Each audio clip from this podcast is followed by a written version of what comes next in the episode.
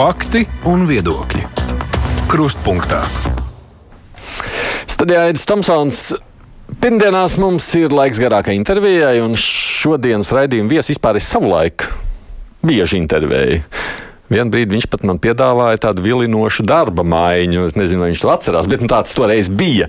Bet nu, līdz šai ziemai mēs nebijām vairs redzējušies daudz gadu garumā, lai gan, jāsaka, nu, no politikas jau nemaz tik prom sen nav un vispār no sabiedriskās aprites. Bet nu, tagad gan es viņu varu pieteikt gan kā ekspolitiķi, gan kā grāmatu rakstnieku, jo nesen iznāca ar viņu grāmatu intīm par grāmatām Andrejs Panteļējus, kurš punktā viesis. Labdien! Labdien, labdien! Ko tad vēl tagad darāt, jo ar grāmatu rakstīšanu izdzīvot nevar taču, vai ne?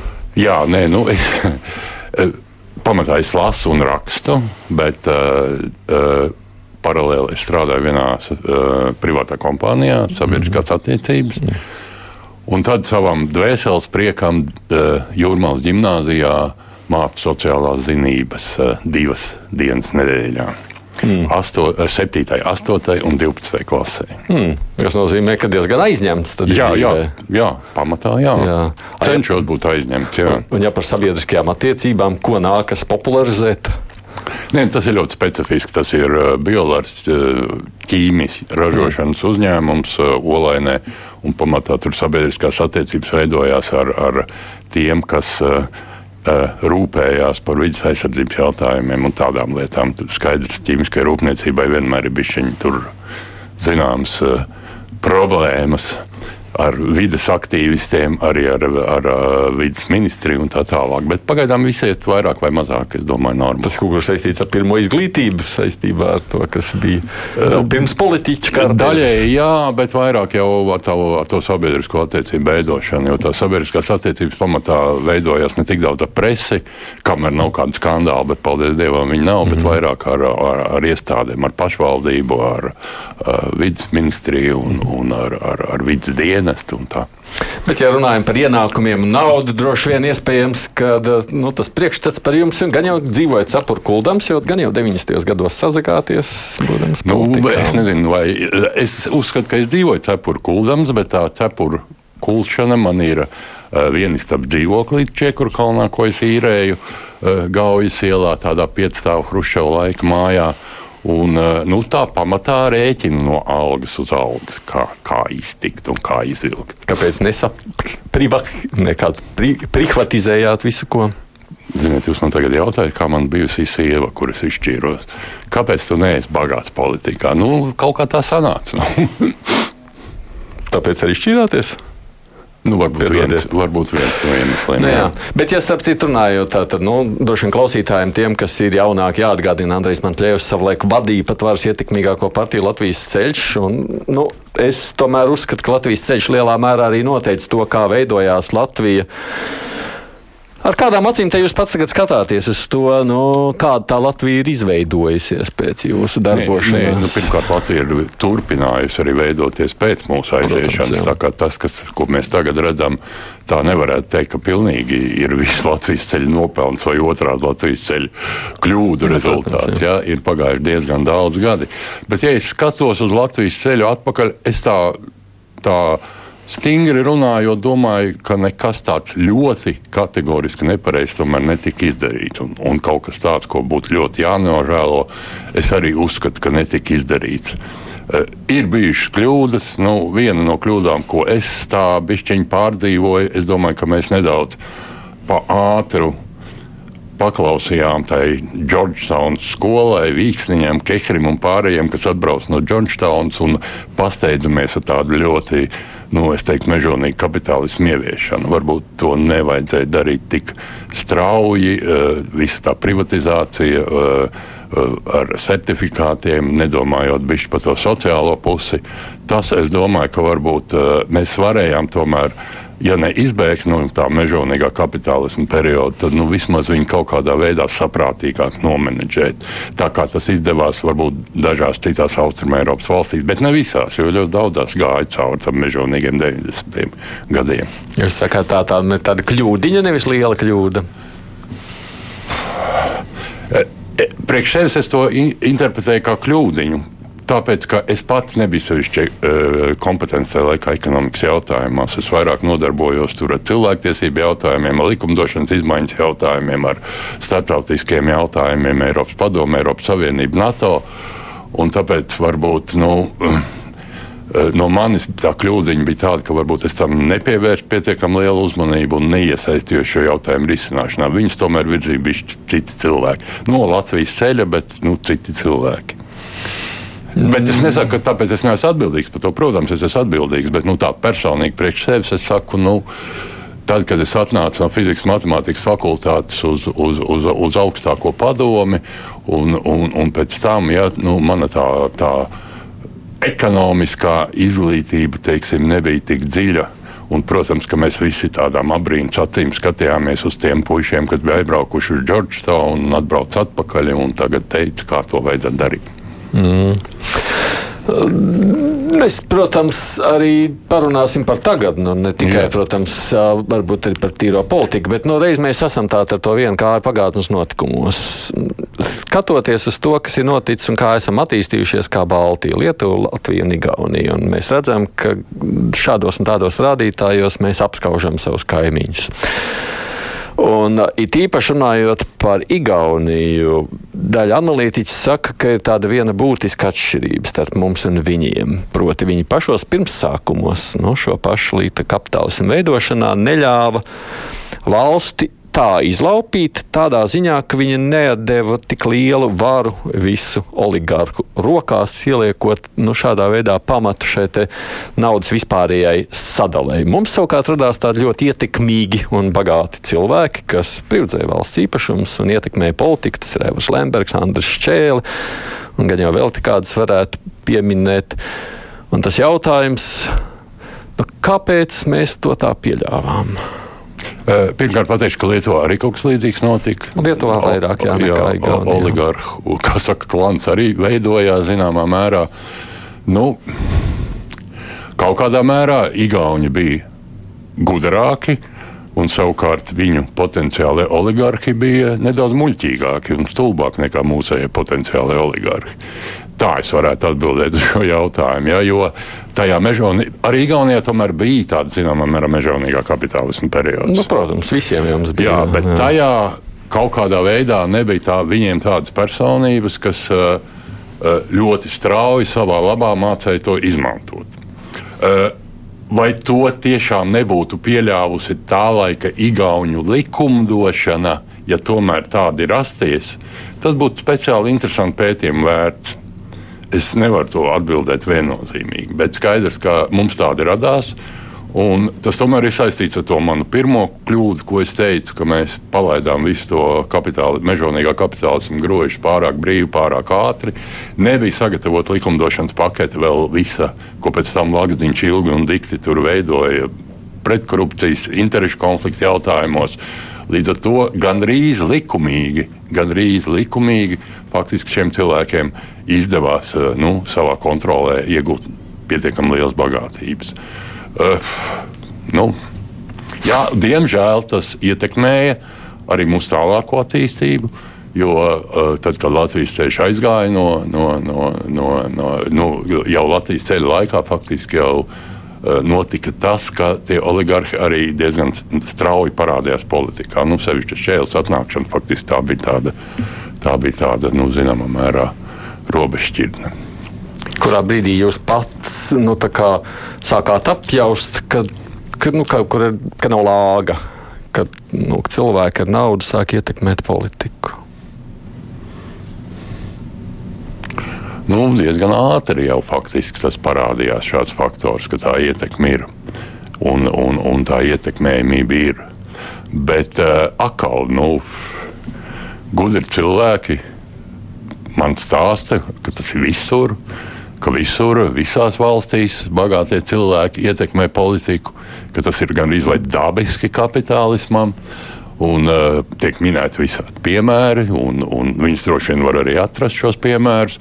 Nu, Tā, kā, nu, tā mēs tur, tur klubdam, krīzdami par to gājām. Ne pārāk gandarīti par to situāciju, bet redzēt, mēs nu, arī bijām tā, tā mērķu nospraušana. Un tomēr mums uh, Latvijas ceļā, nu, viens no tādiem fundamentālākajiem mērķiem, bija iestāšanās Eiropas Savienībā un NATO.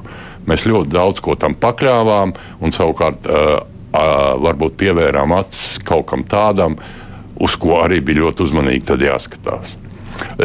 Mēs pēc tam, kad Latvijas ceļš zaudēja vēlēšanas, analizējām šo jautājumu un faktiski nonācām pie secinājuma, ka tā bija viena no Latvijas ceļa kļūdām, tāda nu, viena viena mērķa uh, likšana pāri visam pārējam, neskatoties ne uz ko citu. Nu,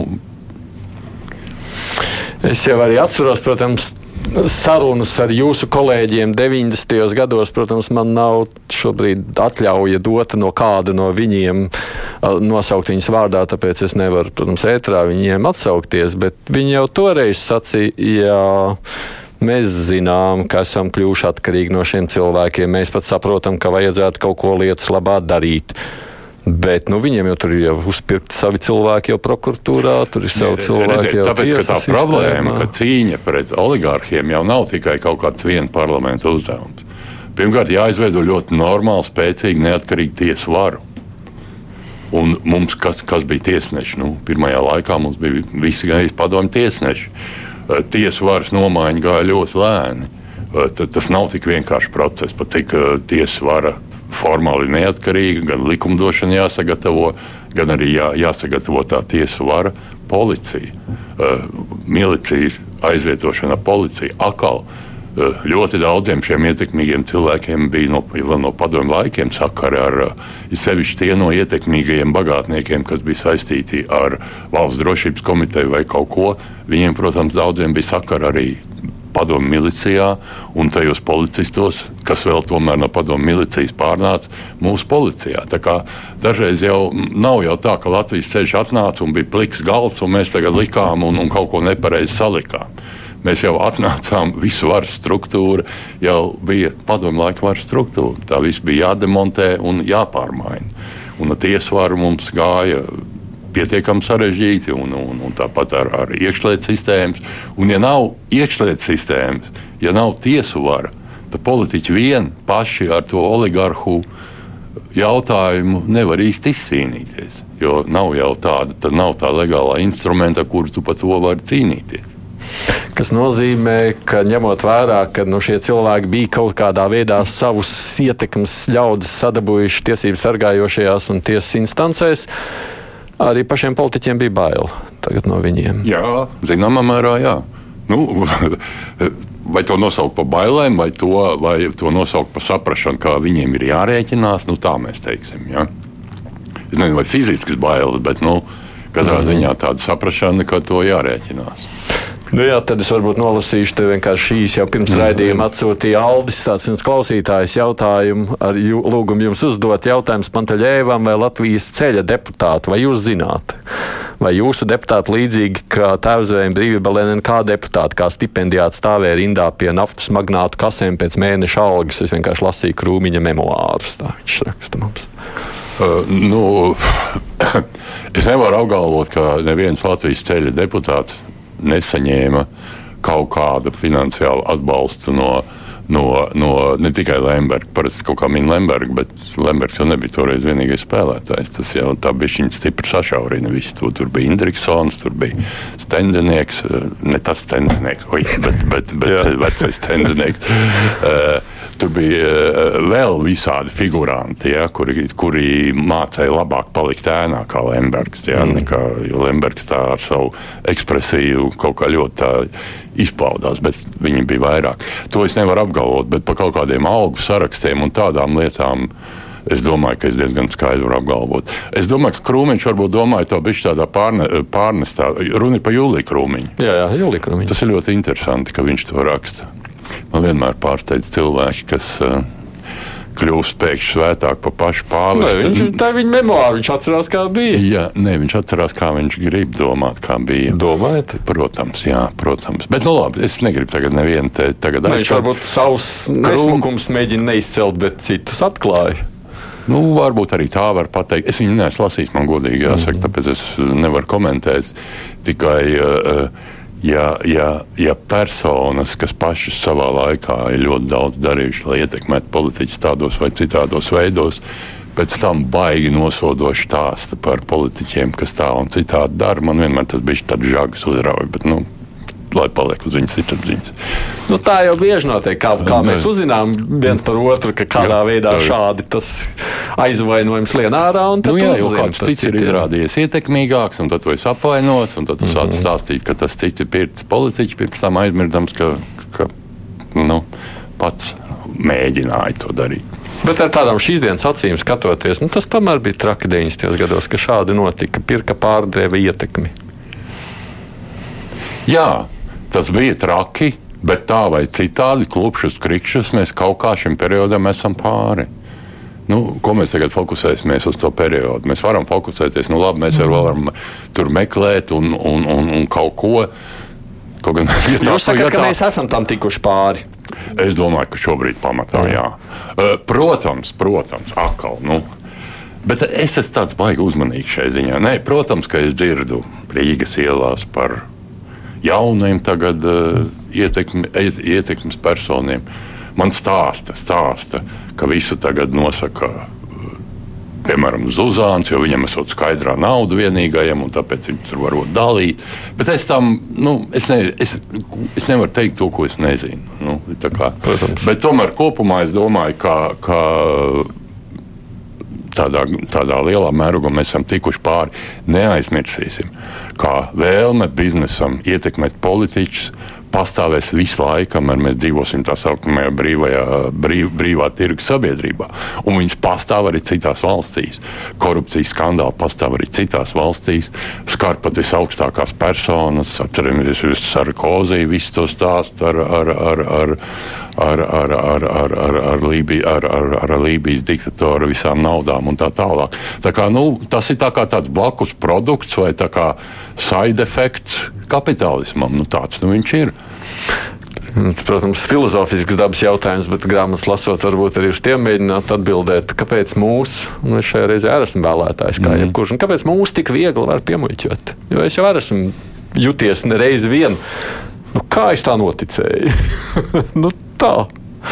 Kāpēc tā sanāk? Bet, ziniet, es tomēr negribētu vainot vēlētājus. Es domāju, ka tomēr tā lielākā problēma ir, ka Es šo esmu stāstījis. Vismaz Latvijā tā lielākā problēma ir tāda, ka uh, Lauristina, um, Igaunijas sociāldemokrāta līderi, bet viena no atmodas mm -hmm. laikiem. Savā laikā es atceros, bija Latvijā, un viņi teica, ka viņi ir ievieduši tādu konceptu kā pirmā Igaunija un otrā Igaunija. Un otrā Igaunija ir visi tie cilvēki, kuriem tādu vai citādu apstākļu dēļ vai nu objektīvu, vai subjektīvu dēļ, konkrētajā laika periodā dzīves apstākļi ir pasliktinājušies. Un arī Latvijā mums ir pirmā Latvija un otrā Latvija. Un tā problēma ir, ka valdošie politiķi kaut kā nekad īsti nav mēģinājuši uzrunāt to otro Latviju. Ir, ir, ir, ir, ir uh, arī tagad, ja tagad jūs redzat, nu, politiķi apmeklē veiksmīgos uzņēmējus. Uh, Kariņš atbrauc uz veiksmīgo rūpnīcu, ja, tas, tas viss tā runa. Bet ir cilvēki, kuri, kuriem tā vai citādi ir gā, palicis sliktāk un iet sliktāk. Un tad viņus uzrunā kādi citi. Un tie citi parasti ir tādi populisti, kas, nu, kas eh, pat cik Latvijā nav normāls līdz šim sociāldemokrātijas. Tad to nišu aizņem populisti, kur visu ko sola, piedāvā. Tam, es atvainojos par šo izteicienu. Es zinu, ka Birka par to ļoti lamāja, bet es tomēr pieturēšos pie tā, jo tā ir vācu klasiķa Hans Falads frāze, tam mazajam cilvēkam īsti nekas netiek pateikts un piedāvāts. Viņš netiek uzrunāts, viņš paliek tā kā malā. Un tad viņš izmisīgi tic tam, vai tic tam, vai šitam, un tā tālāk. Un pieķerās tam, ka vienkārši patīk arī viņš, tāpēc, ka viņš labi runā. Kaut arī principā viņš nesaprot, kāpēc īsti viņš par viņu nobalso, vai, vai balso par kaut kādiem populistiem un tā tālāk tas mazais cilvēks ir palicis ārpus. Tā, tas ir arī tagad sociāls mazais cilvēks. Tas nav apvainojošs mm -hmm. apzīmējums. Mm -hmm. Es arī esmu mazais, bet jautājums, Jā. kāpēc politiķi ar šiem mazajiem negrib runāt, labāk brauc uz veiksmīgo rūpnīcu, nevis uz Jā, šo. Nu, tas ir bet tā. kāpēc? Nu, tas ir tāpēc, ka Latvijā pēc definīcijas visiem ir jābūt labēji noskaņotam un kreisais noskaņojums, kas ir principā parasti. Tagad arī, piemēram, kas notiek Lielbritānijā, pasakojiet. Ja? Lielbritānijā vispār ir tagad galīgs ekonomikas haoss iestājies, un arotbiedrības tagad ļoti spēcīgi uzstājās un runā par šiem konkrētiem cilvēkiem, eh, kas ir neveiksmīgi, kas zaudē, kamēr tagadējais premjerministrs Sunaks apmeklē golfa klubus un, un, un runā par to, ka viņš eh, atbalstīs šos veiksmīgos cilvēkus. Tur arī šī debata tagad tāda baigi interesanti iegriezusies. Nu, tāpēc, ka pirmkārt tas ir grūti, jo tev tomēr ir jāpiedāvā nevis kaut kādas tādas vienkāršas schēmas, kā ka esi labs uzņēmējs, taisi biznesu un pabaro savu ģimeni, bet, eh, bet jāparunā arī par to, ko darīt galdniekam vai, vai nezinu, autobusu šoferim vai, vai pensionāram. Ja? Tas ir daudz grūtāks uzdevums. Un nav, nav kreisās politikas uh, tradīcijas Latvijā. Jo viss kreisums latviešu apziņā uzreiz ir komunisms, bolševisms un tā tālāk. Ja? Nu, līdz ar to mums tas ir tabū. Tagad progresīvie kaut ko mēģina. Vai viņiem tas izdosies, es nezinu. Ja jūs būtu tagad, pieņemsim, politikā ar teikšanu jūs mēģinātu braukt uz neveiksmīgajiem uzņēmējiem, tiem, kas bankrotē? Jā, Mēģināt, tas noteikti būtu daudz interesantāk un svarīgāk. Aizbraukt pie viņiem, nevis pie veiksmīgā uzņēmēja. Pilnīgi skaidrs. Bet, ziniet, es esmu šī ziņā atgādājis cilvēks. Parasti saka tā, ka cilvēki jaunībā ir labēji, kreisi, un tad vecumdienās paliek labi. Man kaut kā dīvainā kārtā otrā, uz otru pusi virzās domāšana. Mm. Bet atkal ne kreisums, dievu dēļ, atkal viss tā runa, ne komunismu vai kaut kā tāda nozīmē. Ekonomiskā nozīmē. Normāls ekonomiskā, ekonomiskā nozīmē, nozīmē sociāldemokrātiskā nozīmē. Nu, savukārt, runājot par kaimiņiem, pabeidzot šo sadaļu Lietuviešiem un Igauniem, mēs jau bēdājamies, ka daudzos rādītājos atpaliekam no viņiem vai pamatoti.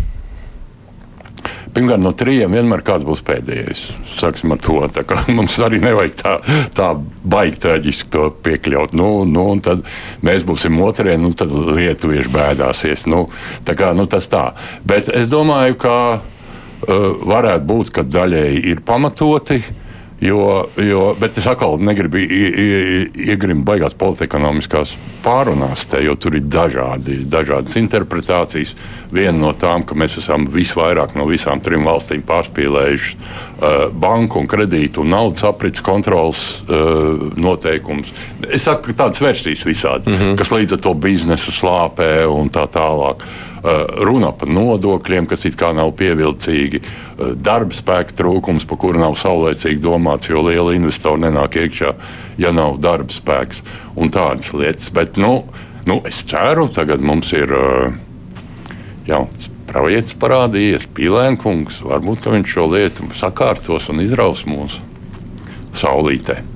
Vai jums pašām ir kāda doma, ko vispār darīt ar to, ka mēs visu laiku, nu, nu labi, visu laiku ne, un visur ne, ta, šis arī man arī personīgi kaitina, protams, neesam mēs visur un vienmēr, visur pēdējie, starp citu, dažās vietās Igauņi uz mums skatās ar, ar, ar, ar labām acīm, jā, varbūt pat daudz čīkstam, nezinu, jā, vai ne? Jā. Bet jebkurā gadījumā, ko ar to darīt, mums ir iespējas kaut kā tam tikt pāri, panākt tos kaimiņus.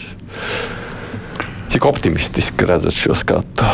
Ai, es kaut kā gribu ticēt jaunajiem politiķiem. Pat ja es īsti nesaprotu viņu programmas, bet es domāju, vienkārši kaut kā dzīvē ir kaut kā jāsakārtojās. Es domāju, ka. Jā, runa par to jaunajiem politiķiem kā pīlēnu jauniem politiķiem tas, kas ir jaunos laikos pie politiskās stūres, es tā, tā minēšu, jā, pa jauno -hmm. veco, tur ir, tur ir grūti pateikt. Kaut gan tur, protams, arī man, man ir lietas, ko es īsti nesaprotu, kas šeit pašlaik notiek, bet nu, to varbūt mēs pieskarsimies vēlāk. Mm. No, nu, labi, reizim... Iespēja ir. Es domāju, ka iespēja noteikti ir. Viņa jāmēģina izmantot. Un pirmais, eh, kas ir jāizdara, ir vienkārši ļoti mērķiecīgi jānolem to izdarīt. Un tad jāskatās, kas ir tie soļi, lai to panāktu. Tas ir labi, ka mēs esam diagnosticējuši to situāciju jau pat līdz prezidenta līmenim. Okay. Nu, labi, pie tā arī paliekam. Es tikai atgādinu, mm. turpinām šo pašu sarunu jau mazliet vairāk tagadnē lūkojoties. Tikai atgādinu ekspolitiķis Andrejs Pantļēvs šodien mums kruspunktā viesis. Raidījums Krustpunktā. Nu, es solu klausītājiem, kas kādā mirklī, kamēr tā runāšu, arī palūkošos, ko jūs rakstāt, lai arī kādiem jūsu jautājumiem varētu pievērsties uh, vairāk. Bet tā runājot par to, kas tagad notiek un ko esam ievēlējuši. Vispār kādas sajūtas ir skatoties uz nu, vēlēšanas rezultāti divus mēnešus. No vienas puses, kā demokrātiski domājošs cilvēks, man ir jāakceptē vēlēšana rezultāts. Uh, valdība tiešām veido tas vairākums, kuram ir uh, vēlētāju mandāts to vairākumu veidot. Tad, tad, un, un arī līdz ar to viņu programmām piekrīt vai nepiekrīt, bet tāda nu, ir bijusi vēlētāja izvēle. Es tikai gribētu arī pašiem vēlētājiem to atcerēties, ka tā ir bijusi viņa izvēle. Mm -hmm. ja? tad, tad tas būtu ļoti svarīgi. Ja? Nevis pēc eh, mēneša sākt domāt, ka, ka, kas tur īsti notiek.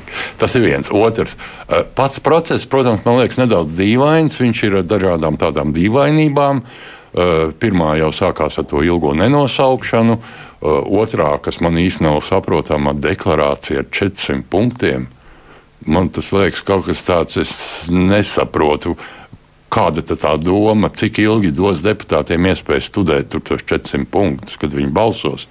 Ja priekš kā tas dokuments ir rakstīts, tad, tad pirmkārt Latvijā bija valdības, kas nāca ar puslapiņu garām deklarācijām. Tā kā nekur nav noteikts, ka tur jābūt.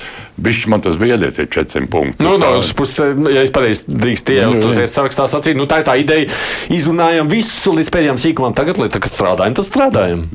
Tā, kas sāk strādāt, vienalga parādīsies. Nākošie 400, jā. Nākošie 400 sīkumi sāksim. Tad man īstenībā nav skaidrs, eh, nu, labi, es par apvienoto sarakstu nebrīnos. Viņiem ir tāds dīvains eh, domas par kā strādā parlamentārisms, bet es īstenībā nesaprotu vienotību. Kā var pieļaut, ka galvenajā komisijā, saimā, galvenajā likumdošanas komisijā, juridiskajā koalīcijā nav vairākuma? Šito es, es vienkārši nesaprotu, tas ir kaut kā. Un tad tagad ir tā atgādnā situācija, komisija noraida kas parasti notiek ar opozīcijas priekšlikumiem, un tad tas virzās uz saimu. Tagad tur sākās jau interpretācijas, ka tas ir pretī kārtības rulim, ka uz saimu var iet tikai, uh, tikai tie, kas komisijā atbalstīja. Bet man liekas, tas nav pareizi, jo tad neviens opozīcijas likums nevarētu aiziet nu, pie normām. Mm -hmm. Bet šo es nesaprotu, ka, kāpēc tas tā ir. Pietrūka Pagaidiet, bet tad varēja pietrūcināt deputātus kādā citā Citā, komisijā. No, nevis, nevis ju, juridiskā komisija. Juridiskā mm -hmm. komisija taču ir, ir tas mm -hmm. bija zināms, ir valdības struktūras mājas paredzēts cits juridiskā komisija pirmā.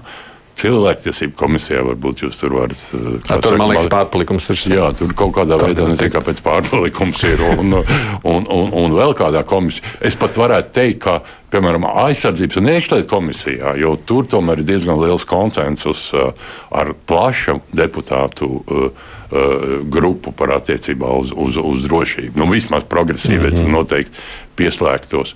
Bet juridiskā komisijā Tā kā īsti es šo, šo nesaprotu. Es ceru, ka tas ir tāds paklupiens.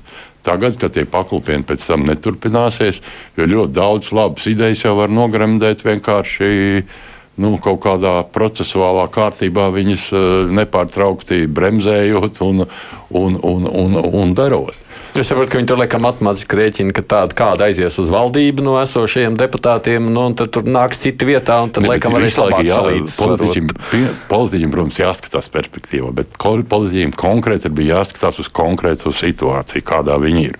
Un šobrīd ir skaidrs, lai izveidot valdību, ir jāmaina attiecīgie likumi, kas ir juridiskās komisijas uh, sastāvā. Tad šobrīd to vajadzēja nodrošināt. Pēc tam varēja skatīties kaut ko citu, varbūt. Kaut gan juridiskā komisija aizvien vēl paliek svarīgākā komisija. Runājot savukārt par personībām, nu, mēs šķiet, eh, esam arī vērojam tādu tā kā sadursmi.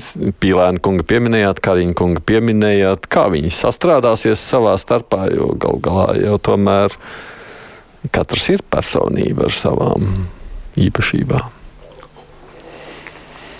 Es atceros vienu gadījumu no, no sava laika, neatceros, kuras saimnes uzstājās Dobelis, drausmīgi lamāja plineru, nu, tādu nu, panskām, tādu mežu. Pēc tam uzstājās pliners un, protams, deva pretī Dobelim tur. Un pēc tam bija starpbrīds, un viņi kafejnīcā abi sēdēja pie viena galdiņa, dzēļa konjaku un skaļi smējās par kaut kādām anekdotēm. To es tā stāstu priekš uh, saprašanas, ka uh, nevienmēr politiķu sadursmes publiskajā telpā nozīmē arī cilvēcisku sadursmes, cilvēcisku sadursmes. Mm -hmm.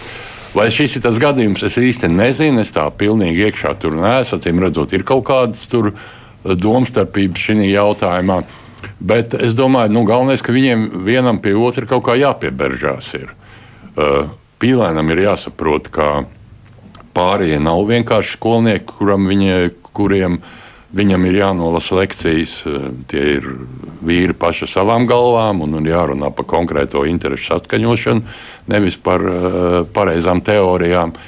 Nu, un, un, un savukārt uh, Kariņam jāiemācās ieklausīties tajās tomēr idejās, ko, ko Pīlēns vai viņa Eh, pārstāvošie deputāti saka un ierosina, un, un, un, un nenoraidīt tās a priori. Es saprotu, ka tā piebēršanās jau zināmā mērā jau notiek. Protams, tur ir visādi papildus faktori. Nu, tas viss, kad tas bišķi nesmuki izskatās, ka saimnieks sēž sēdē, lemj, un pīlēns sēž blakus kafejnīcā un, kā saka, dod instrukcijas deputātiem. Tas nav sevišķi smuki, godīgi runājot.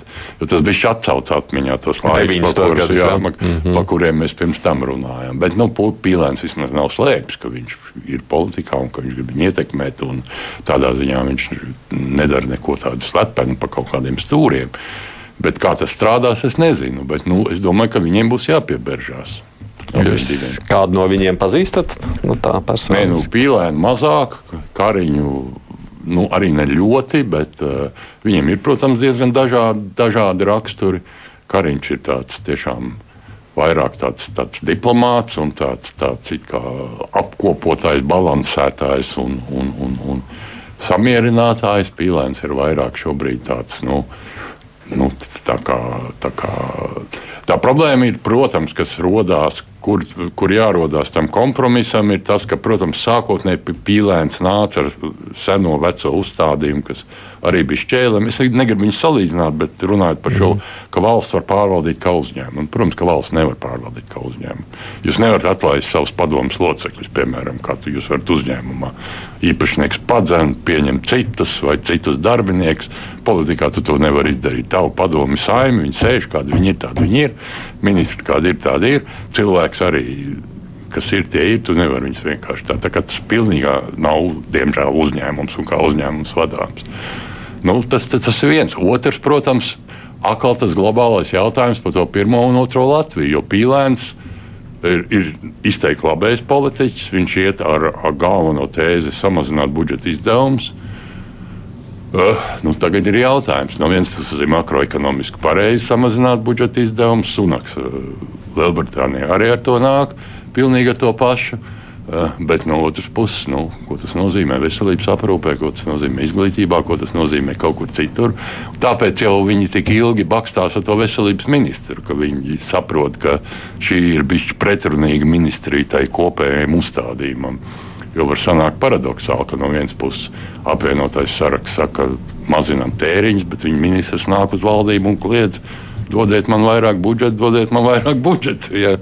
Tāpēc jau viņiem tur ir bijusi tā, tā, tā pretruna.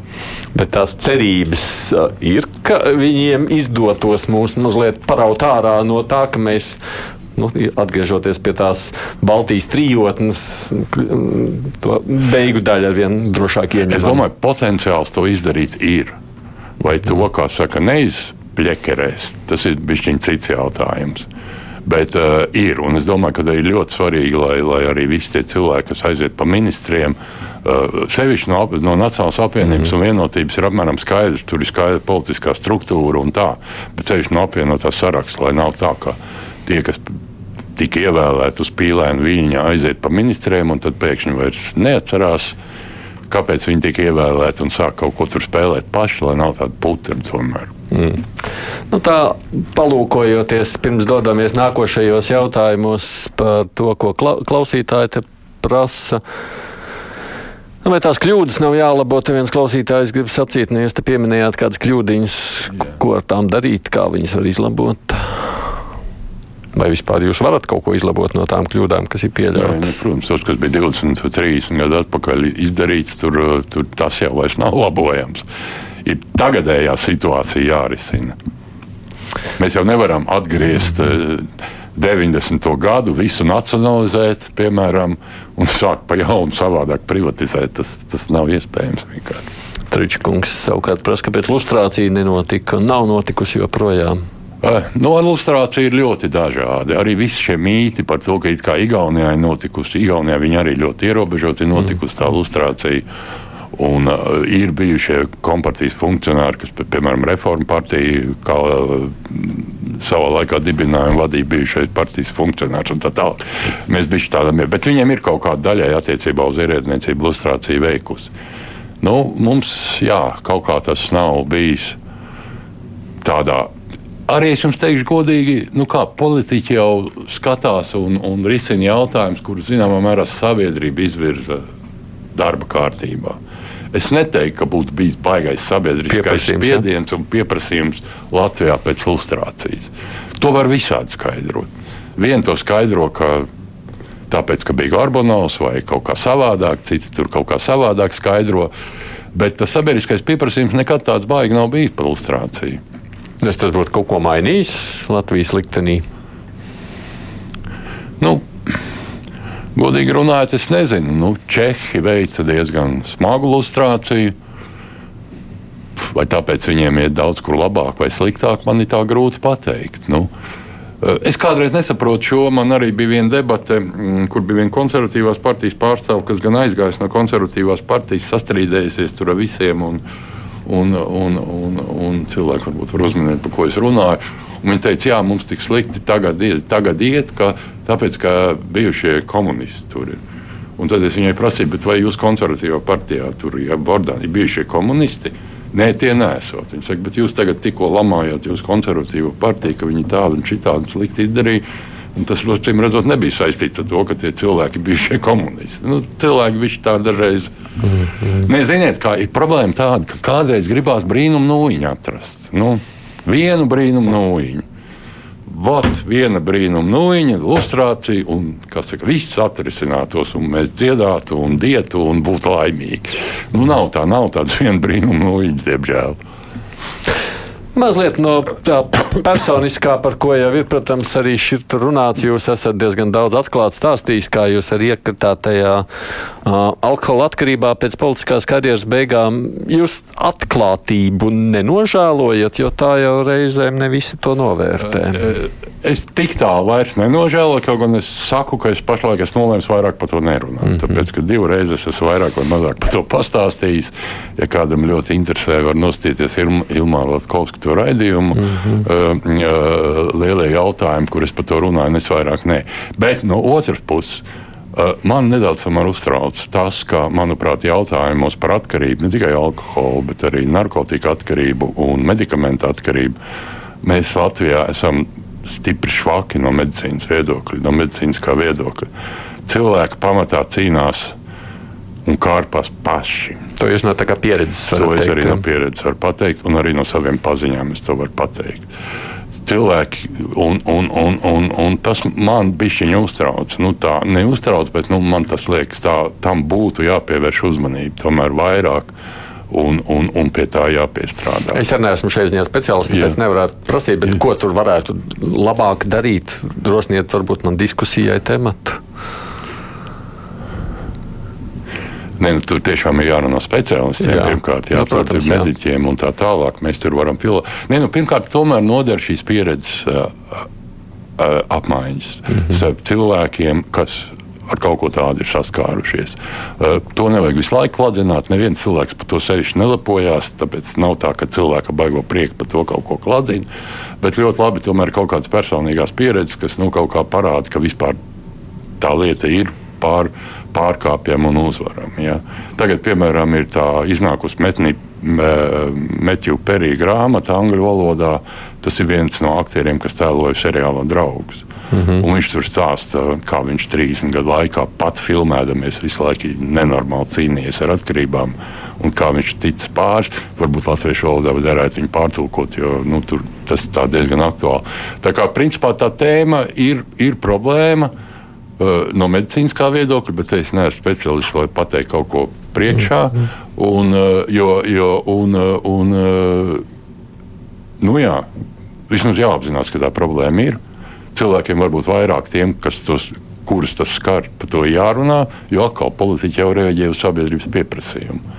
Nu, ja tuvinieki, cilvēki, ģimenes locekļi, paši cilvēki vairāk par to runās, varbūt tad arī politiķi vairāk tam pievērsīs uzmanību, veselības ministrija tam pievērsīs uzmanību.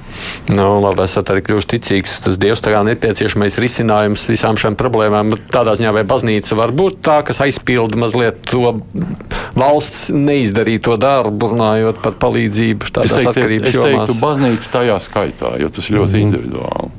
Kādam jā, un kādam nē. Mums ir kaut kāds zilais krusts, kur kādam, arī taisnība tieši jā, taistīts ar baznīcu, jā, kas ļoti palīdz jā, šādiem kādam, cilvēkiem. Jā, kādam jā, un kādam nē. Un es domāju, ka baznīcas latvieši, varbūt eh, gan luterāņi, gan katoļi īstenībā vairāk varētu pievērsties šim jautājumam. Īstenībā tas tā nebūtu slikta ideja vispār to darīt. Tā. Bet atkārtoju vēlreiz, tas, tas nenozīmē, ka tas visiem tas tomēr ir diezgan individuāli. Es skatos uz jautājumiem, ko es noteikti gribētu pajautāt. No tā, sagatavoju, es vienmēr rēķinos, ka man vairāk jautājumu sagatavot nekā es paspēju uzdot. Bet tomēr papriekš par Latviju, un tad, ja paliks laika mazliet arī par Ukrainu. Ja runā par tiem 90. gadiem, ne par atmodas laiku, bet jau pēc 91. gada. Jūsuprāt, kas ir tādi izšķiroši brīži Latvijas vēsturē, jo tas vispār bija nedrošs laiks, vai ne pēc atmodas atgūšanas, kas varēja pagriezt to Latvijas attīstību vienā vai otrā virzienā? Nu, ir jums kādi tādi brīži, kas nāk prātā, kas liekas, jā, nu šis bija tāds, uh, ja nebūtu tā, nezinu, kā būtu.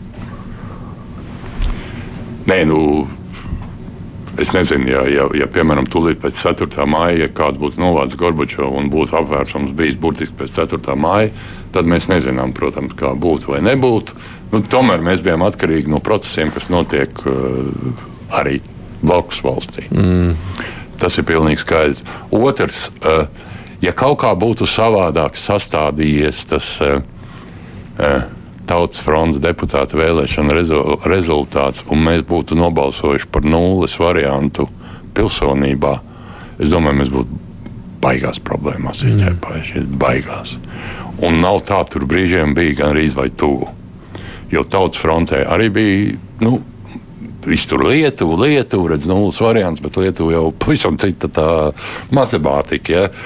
Uh, un arī pēc tam arī Igaunija, redz, pašvaldību vēlēšanās un tā tālāk. Uh, un, uh, un, un, un, un mēs brīžiem bijām diezgan bīstami tam, lai to izdarītu. It kā mīļā miera labam uz to brīdi, mīļā miera labā uz to brīdi. Uh, Bet tam būtu, protams, bijuši baigi sekas tādas, ka nu, mēs būtu. Es nezinu, mēs būtu beiguši ar tādu tā kā gan arī Baltkrievijas statusu neatkarīgu valsts, bet tāda, nu, kas saka, tāda. Nu, tas, piemēram, tomēr pilsonības jautājums ir diezgan, bija diezgan izšķirošs. Mm.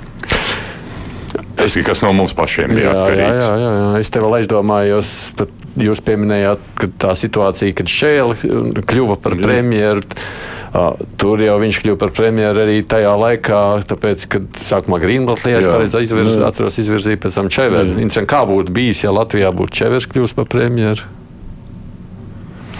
Nu, ziniet, viņiem bija tik vārgs tas uh, vairākums uh, tajā, uh, tajā saimā. Uh, Atcerieties, tur principā viena balss. Tur tas viss notika. Viena balss, Kalnbērs kunga balss. Tā kā mēs zināmā mērā Kalnbērs kungam par to varam nolist cepuri viņu priekšā. Uh, Jā, protams, būtu diezgan interesanti attīstīt, bet es nedomāju, ka viņš baigi konsekventi to savu politiku varētu jau taj, tajā laikā jau izvilkt. Tomēr jau bija pagājuši pietiekami daudz gadi. Mēs bijām jau Eiropas padomē, bija visas tās ārējās ārpolitikas prioritātes nospraustas. Es domāju, ka cilvēki tā nesagramotu, ka viņš tur sāktu kaut kur griezties ne tur. Tā kā es to tik dramatiski neuztvertu tajā laikā. Mm. Par Krievijas-Ukrainas karu. Ar ko tas beigsies, jūsuprāt? Jā, nu, tur nu jābūt. Es, es nezinu, kam lai pateikt. Jo, principā, uh, kā es te jau kaut kur rakstīju, nu, vienīgais, ko mēs varam cerēt, uz tā saucamo melno gulbi. Melnais gulbis, kā jūs zināt, tika ieviesis savukārt jēdziens priekš biržām, kad biržās pēkšņi no šā, no tā notiek pilnīgi negaidīts nobrukums, ko neviens nav paredzējis, un rezultāti nav paredzami. Melnais gulbis ir kaut kāds notikums, ko neviens negaida, neparedz, bet kas būtiski visu maina. Es teiktu, ka izņemot melno gulbi, tā racionāli mums īsti nav, nav ko gaidīt. Jo skaidrs, ka Putinam nav nekāda atkāpšanās ceļa. Skaidrs, ka Putins šobrīd, šobrīd Krievijā nekādi nav apdraudēts. visādi mīti. Mēs tur varam nezinu, ko tur sekot viņa rokas drebēšanai vai vēl kaut ko, bet nu, nebūsim naivi. Ja? Tad viņiem principā nav kur atkāpties. Skaidrs, ka Ukraiņi, Ukraiņi nepieļaus, vienkārši nepieļaus. Pat ja kaut kādas rietumvalsts viņus uz to spiedīs, nepieļaus ziemas kara variantu ar Somiju, ja, kur Somija it kā uzvarēja Krieviju, bet pazaudēja teritoriju. Ja? Principā es domāju, ka Putinam tas galvenais scenārijs ir šis ziemeļkara scenārijs. Ka, tāpēc viņš tās teritorijas paziņoja un tā tālāk. Un Putins iziet uz ilgo spēli. Skaidrs, ka es paredzu, ka rietumos dažu līderu vidū parādīsies vēlme uh, teikt, ka nu, nu, tad, tad pamieris varbūt tad, tad beigsim šo bezjēdzīgo. Bet Ukraiņi nav tādi. Skaidrs, ka Ukraiņi to nepieļaus. Un līdz ar to faktiski nekāda racionāla beigu šeit vienkārši nevar izrēķināt. Nu, nekādi. Skaties, grozies kā gribi. Un cik ilgi šādi varam turpināt? Nepatīkamais ir tas, ka, ka, ka īstenībā diezgan ilgi. Diezgan ilgi. Šo ziemu es domāju, ka tas viss vēl noteikti turpināsies un, un kas tālāk. Kas ir svarīgi, protams, mums, latviešiem, nu, visu laiku tomēr turēt to, to būru un saprast, ka Ukraiņiem ir ļoti svarīgi, lai, lai, lai vismaz lielākā daļa rietumu un Eiropas valsts viņus reāli, objektīvi atbalsta ne tikai vārdos, bet arī darbos un tā tālāk. Un nepierast pie kara, kas ir ļoti grūti, jo cilvēki vienkārši nogurst no tā un sāk pierast. Nepierast pie tā, tas ir grūti. Nu, nav stāsts tikai par pierašanu, kā zināms, karš maksā visiem, tajā skaitā, protams, arī mums. Jā, Mēs arī, jā. kā redzam, maksājam ar inflāciju, ar, ar jā. augstajām cenām par elektrību. Nu, nu, jā, tieši tā. Un, un, un, ne, nu, pierast tādā nozīmē, ka tas vairs nav nekas tik traģisks, un līdz ar to mēs jau varam savas problēmas tagad vairāk izvirzīt priekšplānā un, un, un, un, un, un, un darīt. Jo arī no otras puses jāsaprot, mūsu kapitulācija. Nu, neviena kapi nav vēsturē tāda gadījuma, kad kaut kādas līdzīgas kapitulācijas būtu nost, uh, novedušas pie miera uh, un, un apturējušas karu. Ne Hitlera apturēja Mīnhenes mieru. Nekādā veidā, kaut gan tur Čemberlins un kas tur brauc mājās un teica, ka es mieru atvedu. Nu, mēs atdevām Čehoslovākiju, nu, strunca viņu, bet miers Eiropā. Nekāda miera nebija. Ne Napoleona kaut kādu Vīnas kongresa neapturēja Napoleona kārus. Ja? Nu, uh, nav tādu gadījumu, kur tāda, tāda, tāda padošanās vai kaut kādai agresijai būtu baiguma miera atnesusi. Nu. Līdz ar to mums arī nav izējas īstenībā. Tas nozīmē, ka uz kaut kādam loģiskam rezultātam beigu, beigās tam būs jānonāk. Neloģiskam rezultātam. Neloģiskam. Jā, bet rezultātam. Bet es domāju, ka viņš būs diezgan neloģisks. Neprasiet man kā, bet viņš būs kaut kāds ļoti neloģisks. Es vienkārši tāpēc, ka, lai cik es vingrinu savu loģiku, es pat teorētiski nekādu loģisku atrisinājumu nevaru izdomāt. Nu, mm. Saprot? Bet, ne, bet neloģiskais tajā, ka beig, beigās tomēr nevis Ukraiņa zūd, Jā, bet, bet, jā, bet, bet mūsu vēlamā virzienā. Es tā arī gribētu cerēt. Jo, jo atkal no otras puses, ja ņem no, no, no, no globāla, no civilizācijas attīstības līmeņa, protams, ka Krievijas uzvara un tālāk agresija nav pieļaujama. Jo tā ir principā civilizācijas jau, nu, kā saka, Protams, degradācija un, un sabrukums. Vienīgais, nu, tas jautājums viens šeit, to es vēl varu noteikti jā. uzdot. Tā Krievijas sabrukums, kas šķiet baida daudz Amerikā un varbūt arī vēl kaut kur. Es domāju, ka Amerikā vairs nebaida. Vairs nebaida. Vairs nebaida. Mūs tas nebaida. Tas, tas ļoti baidīja, tas ļoti baidīja Gorbačova laikā un pēc tam. Šobrīd es tā skatos, ka vairs nebaida diezgan daudz visi uh, Amerikas un Rietumu analītiķi. Tomēr par to Krievijas sabrukumu jau skatās kā nu, vienu no iespējamiem scenārijiem. Lai, lai ieliktu arī uz nākotni kaut kādu miera potenciālu. Nebūtu tā, ka kaut ko iesaldē, kaut ko atrisina, bet tas viss turpina tāpat tāpat vien veidoties. Vai mūsu baida? Nu, es nezinu. Nu, es uh, negribētu lietot vārdu sabrukumu. Vienkārši Krievijas zinām, tāda varētu būt loģiska sadalīšanās. Nu, tā ir bišķi pa lielu valsts, lai viņi tā vadītu no vienas metropoles. Ir, ir ļoti spēcīgas uh, natniskās un reliģiskās grupas, savādākas. Nu, teiksim, tā, tāda loģiska sadalīšanās. Vai top kāda nākamā grāmata? Uh, jā, tagad uh, Jumava uz Ziemassvētkiem pārizdos manu stāstu krājumu, kur es esmu pievienojis dažus stāstus klāt. Tur būs gan vecie stāsti, kas bija jau mhm. kādreiz Jumavā izdoti, un tagad jauni, kur es esmu ielicis arī stāstu, piemēram, uh, par jau tagadējiem kara apstākļiem un kā cilvēki šeit Latvijā jūtās. Tā, tā ir grāmata, un tad es, uh, nu jā, es vēl šo to rakstu redzēšu, vai tas iznāk kā grāmata vai nē. Tie politiskie memoāri, kurus ir jums man jautāts. šausmīgi tracina. Man visu Lats? laiku piesienās raksti, raksti, no. pote, politiskos memoārus. Es nezinu, es tam taisos vēl diezgan tā, kā saka, te ilgstoši darboties. Bišķi, man liekas, pāgaru, bišķi pāgaru. Jo? Nu, tāpēc, ka es, tāpēc, ka es negribu nevienu tiesāties. Tas būtu neizbēgami, ja, ja atklātu rakstu. Tas būtu ļoti iespējams. Savukārt, rakstīt tā, kā daži autori raksta ar tur samainītiem pirmajiem burtiem, tas man liekas, bija smieklīgi. Nu, kad tu raksti, un tad tu tur tipa neraksti tādu uzvārdu, bet pārveido burtus, bet visi saprot, ko tu domā. Tā, nu, tāda metode man galīgi ne, ne, neinteresē. Mm. Kas nozīmē, ka, ja Dievs dos ilgāk dzīvot, tad cerība uzrakstīt. Jā. Bet doma kā tāda atmesta netiek. Nē, ne, doma jau šādi atgriežos. Man ir zināms arī no, gan no draugu vidus, gan no paziņu vidus tāds morāls spiediens par to visu laiku. Tā kā iespējams, jā. jā. Iespējams, jā. Ekspolitiķis un tagad grāmatu rakstītājs Andrijs Panteļējevs, bet ne tikai grāmatu, kā mēs secinājām sākumā, arī strādājoties, darbojoties gan PR jomā, gan arī ar skolēniem, arī ar skolēniem. Producenti Evi Junām studijā bija es šodien Aidis Tomsons.